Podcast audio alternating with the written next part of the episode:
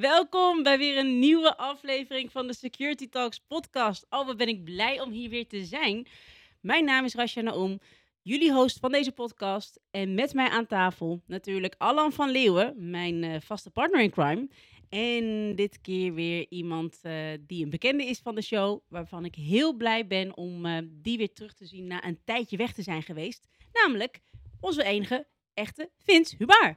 Jee, ik ben onder de steen vandaan gekropen. Leuk, ja, wij alle drie. Ja, we allemaal. Ja, dat, was wel, dat was wel gezellig, hè? Ja, onder diezelfde steen zat. Ja. Ja, wij zijn even weg geweest. Het is een hectische periode geweest hier eh, achter de schermen.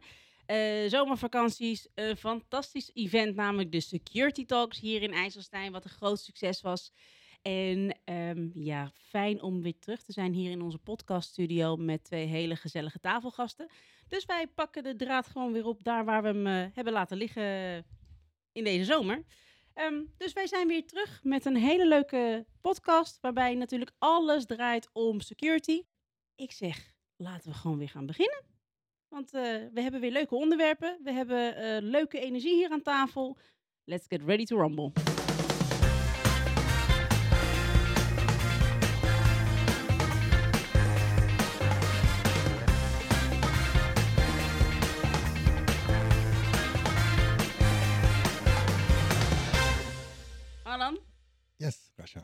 Wat heb jij meegenomen? Ehm, Wat heb je voorbereid? Nou, ik zag het zoveelste bericht op internet dat er malicious apps in de Google Play Store hebben gestaan. Het ging ditmaal banking trojans. En ik dacht misschien een goed moment om het eens te hebben over de verschillen van security tussen iOS en Android. Ik zal het eigenlijk eventjes verder uitdiepen, maar eerst eventjes een paar nieuwsberichten van de laatste periode. Malicious dropper apps in de Play Store, dat waren banking trojans. Nou, dat is dan de ergste variant die je kunt hebben. In het verleden zijn het vaker eh, apps geweest die zich bezighielden met klikfraude. Dus een onzichtbare app op je telefoon die reclames in de achtergrond klikt. Om op die manier eh, ja, Google geld afhandig te maken. Want Google betaalt natuurlijk voor die advertenties. Ehm, en er is ook, dat is dan wat verder in het verleden, dat vond ik wel een noemenswaardige, de eh, dresscode malware, of werd later Milky Door. En dat was een stukje malware op je telefoon waar een proxy server op kon draaien. En dan kon de attacker een SSH-tunnel naartoe maken en zo jouw interne netwerk aanvallen. Dus via jouw telefoon, die geïnfecteerd is, zou de hacker van buitenaf een connectie kunnen maken. En vanaf daar jouw interne netwerk verkennen en eventueel servers overnemen. Nou, eh, Via telefoon, op wifi, op... eh, ja, nou, een, een goed voorbeeld is eh, Elasticsearch. ja. Daar vinden we op internet veel onbeveiligde databases van. Maar veel mensen zetten er, eh, als ze op internet gepubliceerd worden, toch wel een paswoord op. Of een reverse proxy met een paswoord. Of enige vorm van security. Maar op interne netwerk zijn die dingen vaak helemaal niet beveiligd. Ja, dat is natuurlijk één grote bak met data. Super interessant voor een aanvaller. Het gaat tegenwoordig namelijk allemaal om de data. Er zijn wel geavanceerde functies voor je telefoon. Die, heb je, die krijg je standaard niet. Nee, ja, best, eh, ja, misschien vind je het prettig dat eh, een SSH-tunneltje opgebouwd kan worden. Ja. Ehm, Maar ik koop mijn telefoon en ik eh, heb alles erop staan vanuitgaande I'm safe. nou, we zullen daar kijken wie er safe is en wie niet. Bewaar mijn wachtwoorden niet. Jij, jij bent een iPhone-gebruiker, toch? Ja, ja, ja, ik wilde zeggen ja zeker, maar nee. Ja, gewoon ja is genoeg. Oeh, nou, daar komt hij. Ja, wat ik eerst eventjes eh, wil benoemen is eh, al die artikelen die spreken over Android malware. Die schreeuwen altijd heel hard, uninstall al deze malicious apps. En dan komt er een lijstje met apps. Maar dat, dat, eh, dat is zinloos, want eh, dat heeft Google al voor je gedaan. Er zit een mechanisme in Android, dat heet Google Play Protect. En op het moment dat Google eh, die apps uit de Play Store haalt, dus ze krijgen een melding van dit zijn malicious apps, worden ze verwijderd uit de Play Store. En op dat moment gaan ook commando's naar alle telefoons via Google Play Protect om automatisch die apps van het toestel te verwijderen. Ja, het is een beetje, eh, zoals wel veel nieuws op internet, een beetje sensatie maken. Maar is het echt verwijderen, verwijderen en eh, ben je opeens op zoek naar je app op eh, je telefoon en hij is er niet meer? Of wordt er Ja. een soort van patch gedaan op de achtergrond en daarna heb je gewoon weer een veilige versie? Er komt tegenwoordig wel een pop-upje die jou informeert dat er wat verwijderd wordt. Ja. In het begin was dat niet en dan waren mensen boos. Oh, waarom haal je mijn Trojan eraf? Ik vond die SSH-tunnel zo fijn. Zoals ik. Ja. Maar nee, tegenwoordig komt er nog een pop-upje van Google Play heeft geïdentificeerd dat dit een malicious app is en dan wordt verwijderd. Oké. Over het algemeen zijn het apps die eh, niet functioneren zoals ze adverteren. Maar hoe zit dat dan eigenlijk als je zo'n app op je telefoon hebt gehad, hè? Zo'n mooie tunnel. Of wat dan ook. En die app wordt weggehaald. Maar hoe weet je nou zeker dat de rest van je telefoon nog wel veilig is? Want als uh, stel voor dat ze uit zo'n containertje kunnen breken, dan kunnen ze die app wel verwijderen. Maar ja, dan is je telefoon nog steeds gecompromitteerd. Ja, er zijn malicious apps geweest die ook eh, exploits gebruikten om root toegang te verkrijgen tot het toestel. Eh, best uitgebreid. Er werden eh, code die bekend was, eh, die gepubliceerd was, eh, publiek was, die werd nog aangepast om te zorgen dat u veel meer toestellen zou werken en zo. Mensen hebben er echt wel goed werk van gemaakt. Ehm, ja, heb je een app die echt root toegang weet te verkrijgen, dan kan die extra dingen installeren die je nooit meer terug kunt vinden. en, eh, ja, dan, dan moet je echt even een harde reset doen, factory reset. Ehm, hopen dat die restore image niet eh, infected is. Dus sla niks op op je telefoon, geen creditcardgegevens, geen passwords, weet ik het, bewaar niks. nou, we gaan het einde, gaan we, ga ik heel eventjes nog wat tips benoemen. Ja? En wat daar met name belangrijk is, is tegen wie probeer je jezelf te beschermen. En dat, dat, dat verandert eh, wat je moet doen. Nou, Ik heb even een eh, tabelletje gemaakt die ik eh, met jullie ga doornemen over de vergelijkingen tussen security functies van Android en iOS. Oh. Eh, Oh god, daar gaan we jongens. Laat ik vooraf eh, zeggen dat ik zelf ben een Android gebruiker. Ik ben, Mooi vorken. Ben over het algemeen niet een enorme voorstander van iOS, maar ik ben er wel stellig van overtuigd dat de security van iOS vele malen beter is dan die van Android. Dus jij bent om. Nee, dat zei ik niet. Oh. nee, kijk, eh, voor een beetje een normale gebruiker die een, eh, niet zo technisch onderlegd is, zou ik zeker een iOS-device aanraden. Eh ben je een techneut die het ook leuk vindt om iets meer met zijn toestel te kunnen, dan is Android the way. Je hebt gewoon meer vrijheid, je kunt eh, wat meer dingen aanpassen en eh, er wat meer gekke apps eh, beschikbaar. maar wees je dan wel? Nou, te beginnen met encryptie. Hoe zit het met encryption op de Android-devices en iOS? Eh, bij Android is het een file-based encryptie geworden tegenwoordig. Bij oudere versies was het full device encryption. Dat was niet zo heel handig. Dan je apparaat opnieuw opstarten en je uh, s'nachts bijvoorbeeld lig je te slapen en op een of andere manier komt er een reboot. Dan zouden 's ochtends je alarmen niet afgaan, omdat het device nog niet decrypted was en je alarmen niet konden gelezen worden. Wel Tegenwoordig lekker is dat- uitslapen dan. ja. Goeie smoes ook. Ja, eh, sorry. eh, ik heb full device encryption. ja. Nou, zo, zo- zouden ze hier niet raar van moeten, moeten staan te Ja, dus kijken. tegenwoordig is het file-based. Hoeft niet alles meer encrypted te worden. Worden dus je alarmen niet encrypted. Dus dat is geen issue meer. Het is wel software-based key management. Dus niet een aparte chip waar de sleutels in worden opgeslagen. Eh, die decryption keys blijven altijd in het geheugen. Ook als je je toestel lokt. Dan eh, te vergelijken met iOS. Die gebruiken ook een file-based eh, encryptie. Maar die hebben meer verschillende levels daarin. Dus je hebt... je kunt zeggen dat bepaalde bestanden ehm, de sleutel moet worden weggegooid gegooid op het moment dat je je scherm sluit. En er zijn ook bestanden die kun je versleutelen met een ander sleuteltje wat wel in het geheugen blijft. Ja, die, die, die granularity die geeft wel wat betere beveiliging. Nou, daarnaast hebben ze een speciale Secure Enclave Processor, de SEP. Dat is dus een hardware-based key management device waar je je sleutels in opslaat. Dan mag je vragen aanstellen. Ja, ja dan Ja. eh, zeg je, eh, hier Kun, je me helpen dit te Ja, encrypten of te precies. decrypten? Ja. Nou, dan de update policy. Dat is ook heel belangrijk en een vaak eh, aangehaald punt. Ehm, bij Android, volgens Google, is dat minimaal twee jaar operating system updates. Bij iOS is dat minimaal vijf jaar. Ik lees overal eigenlijk dat ze meestal op zeven jaar uitkomen. Zeg maar vijf plus en in de realiteit zeven. Dat is een enorm verschil. Ja, volgens mij kun je daar bij Android nog wel een onderscheid tussen maken, inderdaad. Hè? Ja, het is, ehm, de OS-updates staan in Android los van security patches. Ja. Dus eh, ook al krijgt je operating system misschien niet nieuwe functionaliteit, je kunt nog wel security patches ontvangen. En bij iOS dus niet. Eh, nee, bij iOS zit alles in één pakket. Dus wil je security patches krijgen, dan heb je een device nodig wat de laatste iOS support. Ja, maar goed, eh, in alle eerlijkheid, uiteindelijk bij iOS, alles stopt op een gegeven moment na zoveel... eh, Ja, maar volgens mij hadden ze wel een keer in een extreem geval een security patch uitgebracht voor een ouder iOS. Maar dat pin me er niet op vast. Dat weet ik. Ik meen me zoiets te herinneren. Maar dat, eh, Nou ja, afgezien niet helemaal Google dus een policy heeft met twee jaar updates, zijn er vendoren zoals Samsung die dat langer garanderen.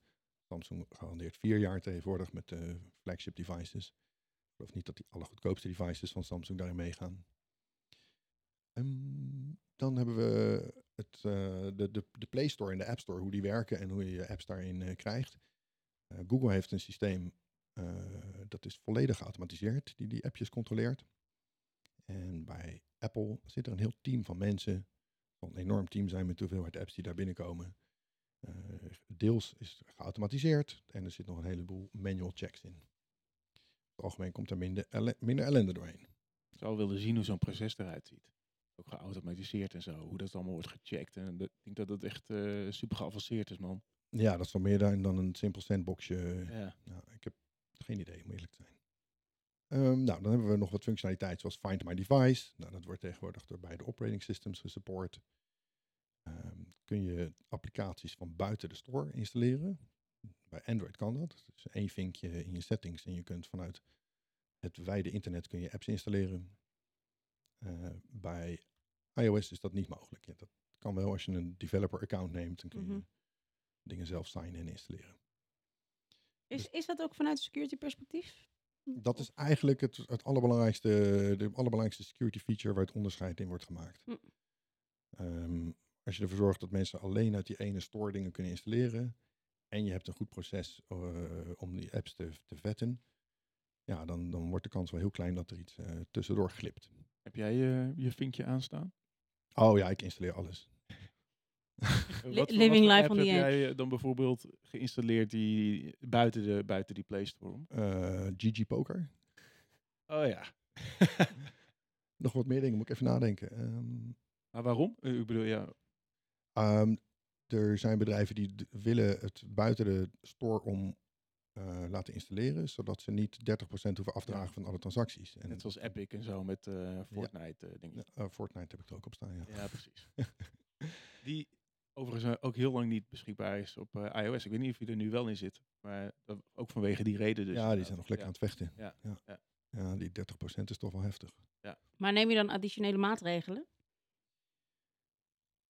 Nee, ik heb bijvoorbeeld niet eh, extra antivirus eh, erop draaien, buiten Play Protect. Mhm. Ehm, het belangrijkste is, haal je dingen van een betrouwbare bron. Ja, oké. Dat, is, dat is altijd zo geweest. Dat is ook op de PC zo, met Windows, met Linux. Haal je spullen van een betrouwbare bron. Nou, bestaan er dan malicious apps op die operating systems? Ja, voor beide. Maar bij iOS is dat heel zeldzaam. En bij Google is het toch wel... Nou, ik zie een paar keer per jaar zie ik wel een bericht dat er weer een soortje malicious apps zijn met soms miljoenen installaties wereldwijd. Vaak getarget op eh, kinderen, kinderapps, omdat die kinderen wat makkelijker overal doorheen klikken. Ja. Niet opletten welke permissies er gevraagd worden. Eh, belangrijk is om te houden dat er nog altijd zogenaamde Pegasus spyware beschikbaar is. Die door regeringen wordt ingezet om, eh, om mensen af te luisteren. Ehm, die Pegasus malware, of malware, het is eigenlijk een soort malware, maar we noemen het spyware. Eh, die maakt gebruik van exploits om op je toestel te kunnen. En dat bedrijf betaalt een miljoen om altijd eh, weer de nieuwste exploit te hebben. En ze hebben altijd weer eentje klaar liggen als die andere gepatcht is. Dus ben je echt een target voor dit soort spyware? Ja, dan komen ze sowieso al binnen. Ja, dan, Geen, eh, ja, dan zou ik zeggen, neem, neem zo'n oude Nokia of zo. Geen Play Store voor nodig. Euro het is, zo gek nog niet. Eh, welke tips kan ik nu geven? Nou, gebruik de bekende App Store. Eh, vooral als je zelf niet super technisch onderlegd bent. Eh, installeer alleen apps vanuit de App Store. Installeer geen apps met heel weinig reviews. Eh, lees ook wat van die reviews. Vaak zie je dan al, als het malicious is, staat het vol met mensen die klagen over eh, advertenties die de hele tijd omhoog poppen Ja. nadat ze geïnstalleerd hebben. Ja, ook kijken naar de kwaliteit van de reviews. Hè. Die kopen ze natuurlijk ook. Dat Ja. ze ook. eh zetten ze een app erin of zo en dan eh, kopen ze een paar duizend reviews erbij. Ja, ja het, het wordt steeds moeilijker om dat onderscheid te maken. Het is ja, lastig. Ja, installeer bekende apps van bedrijven die je kent. eh, maar het gebeurt ook dat een, dat een ontwikkelaar zijn appje op een gegeven moment loslaat. Die denkt, ik ga dit niet verder ontwikkelen. En dan komt er een eh, mannetje om de hoek die zegt, oh, ik neem het graag van je over voor een leuk eh, sommetje. En die gaat vervolgens de app aanpassen met een, een beetje eh, slechte functionaliteit erin. Ja. Dus Let- dan heb je die betrouwbaarheid en die reputatie eigenlijk al opgebouwd. Tenminste, dat heeft de, de OG Ja. developer gedaan en dan eh, komt die even langs. Malicious. Ja, dus ja, dat is heel moeilijk om dat eh, te vermijden. Nou, waar je wel op kunt letten bij Android is in ieder geval de permissies die gevraagd worden door de app. Eh, dingen waar je extreem voor moet opletten is eh, de functionaliteit Draw over other apps. Dat is bedoeld voor accessibility options. Mensen die slecht kunnen zien of horen of dergelijke. En die kan dus gebruikt worden om valse bankpagina's te presenteren. Dan open hij je bank-app en dan tekent hij daar overheen. Dan geloof ik de meeste Nederlandse bank-apps hebben wel weer een exclusion die zeggen van je mag je helemaal nooit overheen tekenen. Misschien in Nederland minder een issue, maar goed. Eh, de PayPal heeft, PayPal heeft dat bijvoorbeeld niet. En dan ga je ook de eh, transacties doen. Ja, dus dan denk je eigenlijk dat je in je, in je oorspronkelijke bank-app bezig bent. Maar ondertussen is er, zit er een soort van eh, laag overheen eigenlijk. Ja. Andere app die eh, dat helemaal heeft geïmiteerd. En dan doe jij een transactie en dan worden er een paar nulletjes toegevoegd en het eh, rekeningnummer verandert. En laten we eerlijk zijn, volgens mij is het best wel risico. Want kijk naar mezelf, ik weet niet of jullie het eh, ook zo ervaren, maar ik doe best wel veel betalingen met mijn telefoon. Even snel, ik denk, oh wacht Alles, even, ja. Stel weer wat online. Bijna alles vind ik. Ik gebruik mijn laptop eigenlijk nooit voor een eh, betaling. Ik doe grote bedragen overmaken. Ja. En ik, ik, ik, Ja, QR-code scannen. ik doe het razendsnel en denk, ja hoor, hup, vingertje er weer tegen, Ja. go, go, go. Ja, nou de bank in Nederland is niet heel happig om je terug te betalen eh, als je door dit soort dingen gepakt bent. Dat wordt een strijd. Eh, andere permissies waar je voor uit moet kijken zijn dingen die eh, je contactenlijst willen lezen. Al doen veel apps dat semi-legitiem, zeg maar. Dus Facebook leest ook al je contactenlijst en uploadt het naar Facebook. Nou, wat je daarvan moet vinden, weet ik niet. Dan is er één permissie die heet read phone state. Ehm, dat kan gebruikt worden om jou eh, te subscriben op premium SMS services. Mhm. Maar het wordt ook gebruikt door apps, ehm, door bijvoorbeeld een podcast player. Die kan zien dat je een inkomend gesprek krijgt, zodat hij zichzelf op pauze kan zetten. Denk na bij, heeft mijn appje dit nodig? Dat is best wel een brede permissie dus eigenlijk. eh. Ja, ja dat kan enorm veel. Ja, vroeger eh, kon er nog meer met read phone state, kon je ook de berichten uitlezen. Maar dat is nu gescheiden. Ja, en nogmaals, tegen wie probeer je jezelf te beschermen? Als je echt de target bent van APT's, eh, of je denkt dat je dat bent, ja, dan moet je luisteren naar mensen zoals Edward Snowden, hoe die met hun mobiele, om, eh, mobiele toestel omgaan. Die verwijderen de microfoon, verwijderen de camera, eh, zet de telefoon alleen aan wanneer ze hem echt gaan gebruiken. En gebruik een veilige instant messenger zoals Signal. En dus geen WhatsApp of Telegram. Of weer terug naar de Nokia 3210. Ehm, ja, maar dan kun je alleen sms'en en dat is nou niet zo heel veilig. De postduif. Ja, IP version 4 over Avian Carrier. Eh, ja, dat, dat was eigenlijk het hele verhaal. Eh, en nogmaals, hoe ik belangrijk ben, je jezelf vindt, hè? ik ben niet Ben- een ontzettende fan van, eh, van iOS. Ik heb er eh, genoeg dingen waar ik, waar ik niet blij van word als ik een toestel in mijn handen heb. Maar als we het hebben over security, je daar zorgen om maakt, eh, koop gewoon een Apple-apparaat. Dat is de beste keuze. Oh, het doet een beetje pijn wat te zeggen. Ja? Oh, nou ja. En ik, ik krijg, zie niet dat mijn glimlach steeds groter wordt. Als niet tegen ben ik zo blij. Hoe, een soort zorgeloos bestaan. Hou ik van. Nou, alsjeblieft. Ja. Niet nadenken, wel veilig. Android is een beetje with great freedom comes great responsibility. Ja, nou ja. Dat is zo. Exactly, my Ja. friend. Nou, dan moet je... Dus denk na of je die, eh, die verantwoordelijkheid aan kan voordat je, voordat je een Android Ja, de- aanschaft. nee, daarom heb ik. Nou, ik zit eigenlijk. eh, voor mijn werk heb ik een Android en eh, privé heb ik iOS. Dus ik zit tussen beide te schipperen. Twee keer zoveel risico loop je. Twee keer, ja, twee keer zoveel risico. Ja, maar Vince is van Living Life on the Edge. Zeker. Dankjewel, Alan. Leuk. Beide uitersten van het spectrum. Dan, ehm, dan ben ik benieuwd van, met eh, meneer Living Life on the Edge. Wat, eh, wat voor leuks jij hebt meegenomen dit keer. Nou, je had het over in het begin, in je intro, van nou, we pakken de draad weer op waar we gebleven waren. Ik doe dat eh, bijna, bijna letterlijk. Ik ga gewoon weer verder over passkeys. gewoon de vorige keer zijn we nog niet uitgesproken. Ik ben nog, nee, nee, het is een beetje jammer eigenlijk. Want ik was heel enthousiast over dat onderwerp. Ik dacht, nou mooi, passwordless en veilig inloggen. En de samenwerking met Apple, Google en Microsoft, weet je wel. Dus, nou, Ja. dat wordt helemaal mooi. Maar het is niet helemaal zoals ik had gedacht dat het was. Eh, ik dacht van nou, als je, het maakt niet uit of je een Windows laptop hebt of een eh, Apple telefoon of eh, Android tablet of wat dan ook. Je kunt gewoon overal lekker makkelijk paswoordloos inloggen, want ze werken met elkaar samen. Maar dat, dat is het niet. Nee, realiteit is weer bastiger. ja, zeker. Ze houden het allemaal bij hun eigen ecosysteem. Dus ze delen die, die passkeys alleen maar binnen hun eigen ecosysteem. Dus als je een, een, eh, een iOS eh, of een Ma- macOS eh, laptop hebt of zo. En je hebt een, een telefoon van, van Apple. Dan worden tussen die devices wordt het allemaal gesynct. Maar zodra er een ander apparaat van een andere vendor bij komt kijken, ja, dan valt de hele zooi gewoon in duigen. Dus dat is, eh, dat is jammer. Het was misschien ook wel wat ijdele hoop. Hè? Het zijn allemaal van die giganten en eh, die willen allemaal lekker vendor lock-in. Ja. Nog niet meer bij ze weg. Dus ja, het is, eh, ik, moet, ik moet toch terugkomen op, eh, op mijn enthousiasme van, eh, van laatst. Ik zie ook een Jammer, beetje hè? terug. Ja, terug ja het in doet me ook wel pijn, weet je. Dus soms, je hoopt gewoon dat, dat met security en, en die grote giganten, dat ze dus gewoon, nou, dat je het belang ziet voor, voor de gebruiker ook echt. En dat je ze echt een keertje wilt dienen in het gemak en de security. Maar, maar nee, het gaat toch om het bijeenhouden van je eigen userbase en zorgen dat dat, eh, nou ja, dat, dat lekker, eh, lekker vast en veilig zit. Maar ja. Maar is dit iets, eh, iets tijdelijks of heb jij de hoop opgegeven? Want als je gaat kijken naar security, ik, ik snap die vendor lock-in, hè?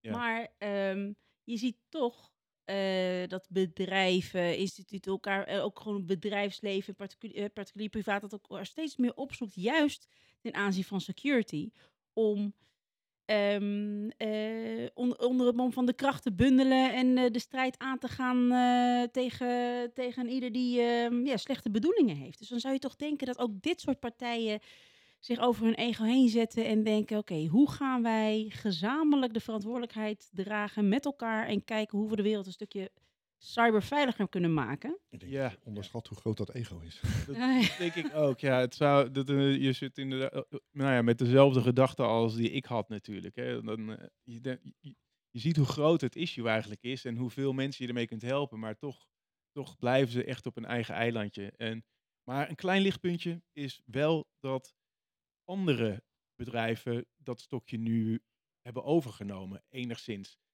Want wat je wel over al je eh, device hebt, tenminste ik dan, is bijvoorbeeld je password manager. Mhm. Dus dat is eigenlijk device onafhankelijk. En die, als je dus daar je passkeys in opslaat, of als die de mogelijkheid bieden om dat te ondersteunen, dan heb je wel die, die seamless ervaring. Alleen, eh, ja, dan heb je, je hebt er wel een password manager voor nodig. Waar ik een beetje gek voor is dat alles tegenwoordig wil functioneren als een passwordmanager. Oh Elke ja. browser die komt, oh, zal ik Ja. ook even opslaan? En dan komt mijn passwordmanager ook weer in beeld. En die, dan, zal ik hem opslaan? En dan, kijk, ik snap nog wat er gebeurt, maar ik snap dat dat voor normale gebruikers die denken, ja hoor, slaat overal maar op. Ja, Dan werkt het tenminste. Ja, dat is wel een goed punt natuurlijk wat je aandraagt. Want eh nou ja, password managers zijn, ik denk dat het door de no- normale gebruikers niet echt heel erg gebruikt wordt. Nee. Dus zij maken gebruik van het opslaan van wachtwoorden in de browser, omdat dat het eerste is wat ze voor zich, eh, Ja. voorgeschoten krijgen. En ze hoeven er ook zelf niks voor te doen. Dus het is wel, eh, nou, in, die, in die zin is het een beetje ironisch natuurlijk. Hè? Dus dat, dat die password managers dan die verantwoordelijkheid op zich nemen om ervoor te zorgen dat die passkeys over al die devices gezien kunnen worden. Maar ja, dat zijn nou net de gebruikers die waarschijnlijk toch wel weten hoe ze eh, veilig over het internet moeten navigeren en wat ze met wachtwoorden moeten doen. Dus die, eh, ja, die steekt ook een beetje. Ja, dank je Alan, zo had ik nog niet naar gekeken. Maar eh, wat zou je adviseren in dat opzicht?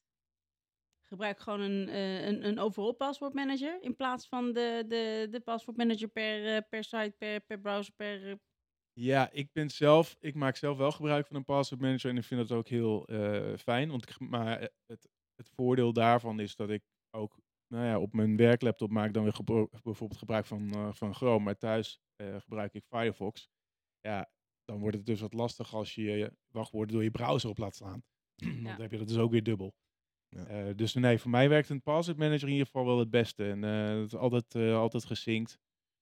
Dus overal inloggen. Alles lekker Ja, automatisch laten genereren. De right tool voor de right job. Ja, Ehm, ja, dat is ook zo. Een specialistische tool die daarop gefocust is met een bedrijf wat zich alleen maar bezighoudt met een veilige paswoordmanager maken. Toch wat anders als eh, een browsermaker die zegt, oh, ik ga ook wel even met je paswoord aan de slag. Ja, zeker. Of wat geen kleine jongens zijn, die weten ook wat ze doen natuurlijk. Maar En ja, er is ook wel een, eh, een uitspraak geweest, want dit is natuurlijk, er is dus wat, wat er, waar het aan ontbreekt in die standaard is een soort van exportmodus van oké, ik wil mijn passkeys van het ene platform naar het andere brengen. En ehm, daar is een uitspraak over gedaan eh, van, eh, door WebAuthn, door de WebAuthn bedenkers. Mhm. eh, Dat is eigenlijk het protocol wat het, wat het faciliteert. En ze zeggen ja, we hebben geen exportmodus omdat we bang zijn dat dat mogelijk wordt misbruikt door Hmm. hackers dus. Makes sense. Ja, ja, ja, goed. Maar dan, weet je, je kunt, je kunt het ook anders bekijken, want anders kom je nergens. Want alles kan uitgebuit worden natuurlijk. Dus het is, het is een beetje, Een ja, drogreden, ja. ja, ik vind het een beetje een drogreden. Het klinkt eerder alsof ze er niet helemaal goed over hebben nagedacht van oké, hoe kunnen we dit zo, eh, zo goed mogelijk implementeren. Dat is, eh, dat is de gedachte die ik daar een beetje van, eh, van krijg. Aan de andere kant, het is natuurlijk ook wel lastig om het goed te doen. Voor mensen, ja. steps. En voor mensen die graag risico willen mijden. Hoe bedoel je risico mij? Nou ja, als je zegt ik, eh, ik, ik wil gewoon geen risico lopen. Ik wil, niet, eh, ik wil dan niet dat mijn wachtwoorden op straat komen te liggen. Dat iemand zomaar mijn account ingaat. Dan, dan... Gewoon één wachtwoord nemen voor alles. Nergens opschrijven. ja, ja, ik denk eh, als je echt risico wilt mijden en bang bent dat je wachtwoorden op straat liggen, dan moet je gewoon nergens een account aanmaken. Dat eh kunt er echt van uitgaan dat overal waar je een account hebt, die kans die is er gewoon dat het op straat komt te liggen.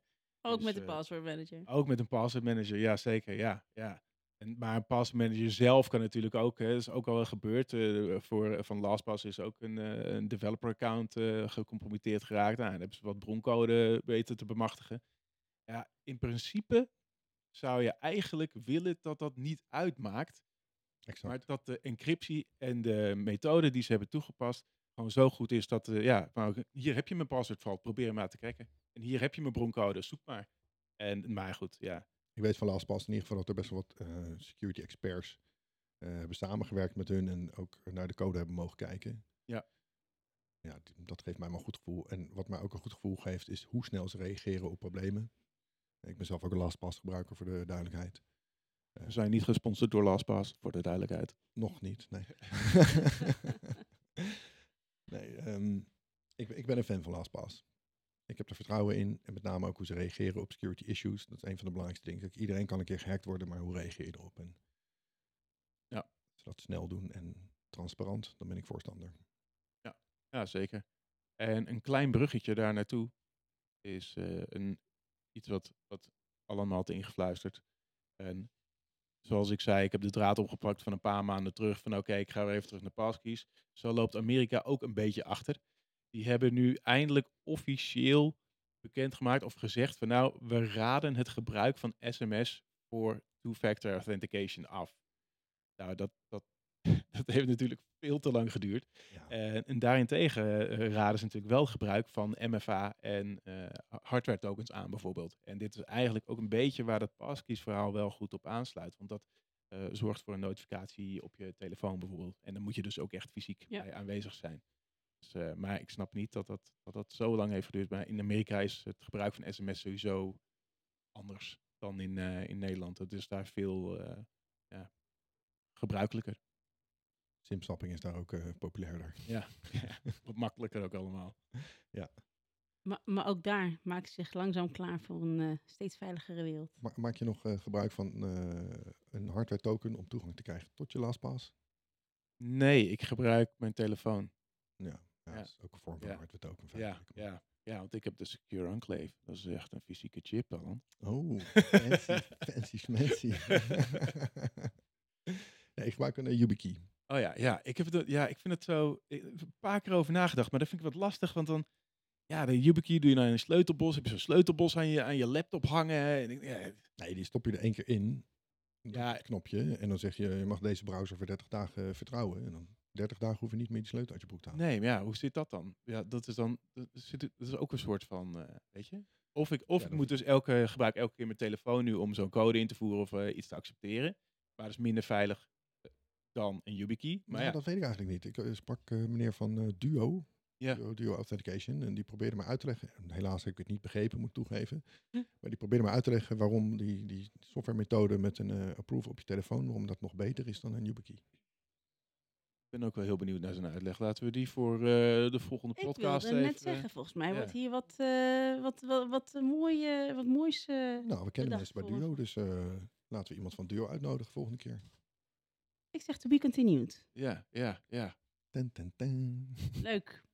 En dan komen we natuurlijk wel weer even bij een punt wat eh, ja, vaste prik is van deze show, namelijk de fun tip. Vince. Begin ik? Ja, jij begint. Nou, ik heb eh, de funtip. Mijn funtip is eigenlijk een spelletje wat ik heb gespeeld, wat ik wel heel leuk vond. Een heel toegankelijk, makkelijk, eh, of nee, makkelijk, ja, toegankelijk puzzelspelletje. Maar het zag er esthetisch heel leuk uit en het was lekker rustgevend. Dus als je dan na een dag keihard gewerkt hebt, zoals ik elke dag doe, dan, eh, dan is dat gewoon lekker om even, even zo, nou gedachteloos, nou niet echt gedachteloos, maar lekker ontspannen een spelletje te spelen. En het, is, het heet The Gardens Between. Ja? En ehm, je bestuurt daarbij niet de personages, maar de tijd. Dus als je, je hebt ook maar drie controls. Je hebt eh, naar voren, naar achter in de spatiebalk. Of eh, je kunt ook wat controle doen, kan ook. En nou, je, dus als je naar rechts drukt, dan ga je gewoon vooruit in de tijd. En dan zijn er elementen in het level die je kunt, die individueel kunt beïnvloeden met de tijd ook weer. Dus eh, nou, als dan eh, een, rotsblok naar beneden valt, dan heb je met één karakter de mogelijkheid om dat rotsblok bijvoorbeeld later pas te laten vallen of daar iets eh, tegen te doen en dat je dan dus door kunt lopen. En het ziet er, ja, het is gewoon heel vredig, de muziek is leuk. Eh, ja, ik, ik weet niet, ik kwam helemaal zen. Is het gratis? Het is niet eh, gratis, nee, sorry, nee. Volgens mij is hij iets van, eh, van, van eh, 10 euro of zo, maar dat moet, moet ik even Ah. kijken. Ik, ik ben meer van de premium apps waar je iets voor betaalt dan die dingen waar je heet dat ads moet kijken. Dat kan Oh ja, Ja, nee, nee, maar het is eh, eh, gewoon eh, PC en eh, Nintendo Switch, PlayStation, Oh, dus oké. zo'n game. Het is niet op je, voor zover ik weet, het is niet op je telefoon. checken. Oké. Moet even Nice. kijken. Oh, wacht Nou, even, ik zie hem hier ook voor iOS staan. Ik weet niet of hij daar eh, Ja, dus niet voor Alan. Niet. Nee. Nee, nee. Ja, ik zie ook echt Ah, geen Nou, die- Ah, die- gewoon heel, heel relaxed, leuk spelletje is dat. Oké. Ja, Nou, ja. die komt in de show notes terug en dan eh, moet ik hem ook even opzoeken. met een leuk verhaaltje daarbij ook wel. Ah, leuk. Nog één keer de titel? The Gardens Between. The Gardens Between. Nice. Alan, wat heb jij eh, voor leuks? eh, Ik heb een nieuwe tv-serie ontdekt. Ik ben er nog niet heel ver in, maar tot nu toe trekt hij me erg. Ik vind hem erg leuk. Hij heet The Peripheral. Is te vinden op Prime Video, Amazon Prime Video. Sci-fi serie met ehm, nou, veel elementen erin van virtual reality. Eh, tot nu toe blijkt het een behoorlijke mindfuck te zijn. Dat er echt, je gaat puzzelen van wat gebeurt hier nou? Is dit nou de virtuele wereld of eh, zijn ze robots? Of, eh, en noemenswaardig eh, hoofdactrice Chloe Gra- Grace Moretz. Het, dus het is prettig om naar te kijken. Kijk makkelijk weg. Welke aflevering ben je? Ben je aan het binge-watchen of valt het mee? Ik heb twee afleveringen gekeken. Ah, dus oké. The Peripheral. Beetje van sci-fi houdt. Aanrader. Oké, oké. Nice. neem ik mee. Dat is mijn fun tip. Dan zijn we weer eh, tot een eh, einde gekomen. Hè, Ja, van heb jij nog een leuke aflevering. fun tip, eh Rasha? Leuke funtip. Ja, nou goed, ik, eh, ik weet niet hoe nieuw nieuw die is hoor, maar eh, toevallig, ik had het met Vince erover. Ik heb van het weekend heb ik eh, de film over Freddie Mercury ge- gezien. En eh, het begon eigenlijk, ik- we kwamen erop omdat er werd gezongen aan het begin van deze podcast, of voor de opname. En toen moest ik eraan denken. En ik moet zeggen dat ik dat, ik heb daar echt, eh, normaal gesproken ben ik best wel vaak afgeleid. Zit ik nog even op mijn telefoon, komt er een berichtje en dan kijk je zo'n film eigenlijk toch wel half of een, eh, of een serie. Maar dit keer was ik gewoon echt helemaal into the movie. Dus voor degenen die hem nog niet hebben gezien, mijn tip voor jullie. Gewoon lekker op Netflix. Op Netflix. Check. Nou, mooi. Ja, ik heb hem ook gezien. Was echt eh, was gebo- geboeid. Ja, hele, hele film. Ik heb hem nog niet gezien. Nou, dan eh volgende keer doen we Ja. de filmreview. Ik zal je de volgende keer vertellen wat ik ervan vond. Is Oké, goed. afgesproken. Dan zijn we dan met, eh, ook met mijn funtip erbij echt tot het einde gekomen van eh, weer een hele leuke aflevering. Ik ben blij ehm, weer terug in de studio te zijn. Ehm Alan, ik vond het heerlijk om gewoon weer als, eh, als duo hier aan tafel te zitten. Vince, altijd leuk om jou hier aan tafel te hebben. Dus ik zeg gewoon weer tot de volgende keer. Voor de luisteraars, fijn dat jullie weer hebben geklikt en meeluisteren naar weer een leuke nieuwe podcast. Blijf dat ook doen, dus abonneer je vooral. We're back on air. En ik zeg tot de volgende podcast. Dank jullie wel. Ciao, ciao. Graag gedaan. Doei doei.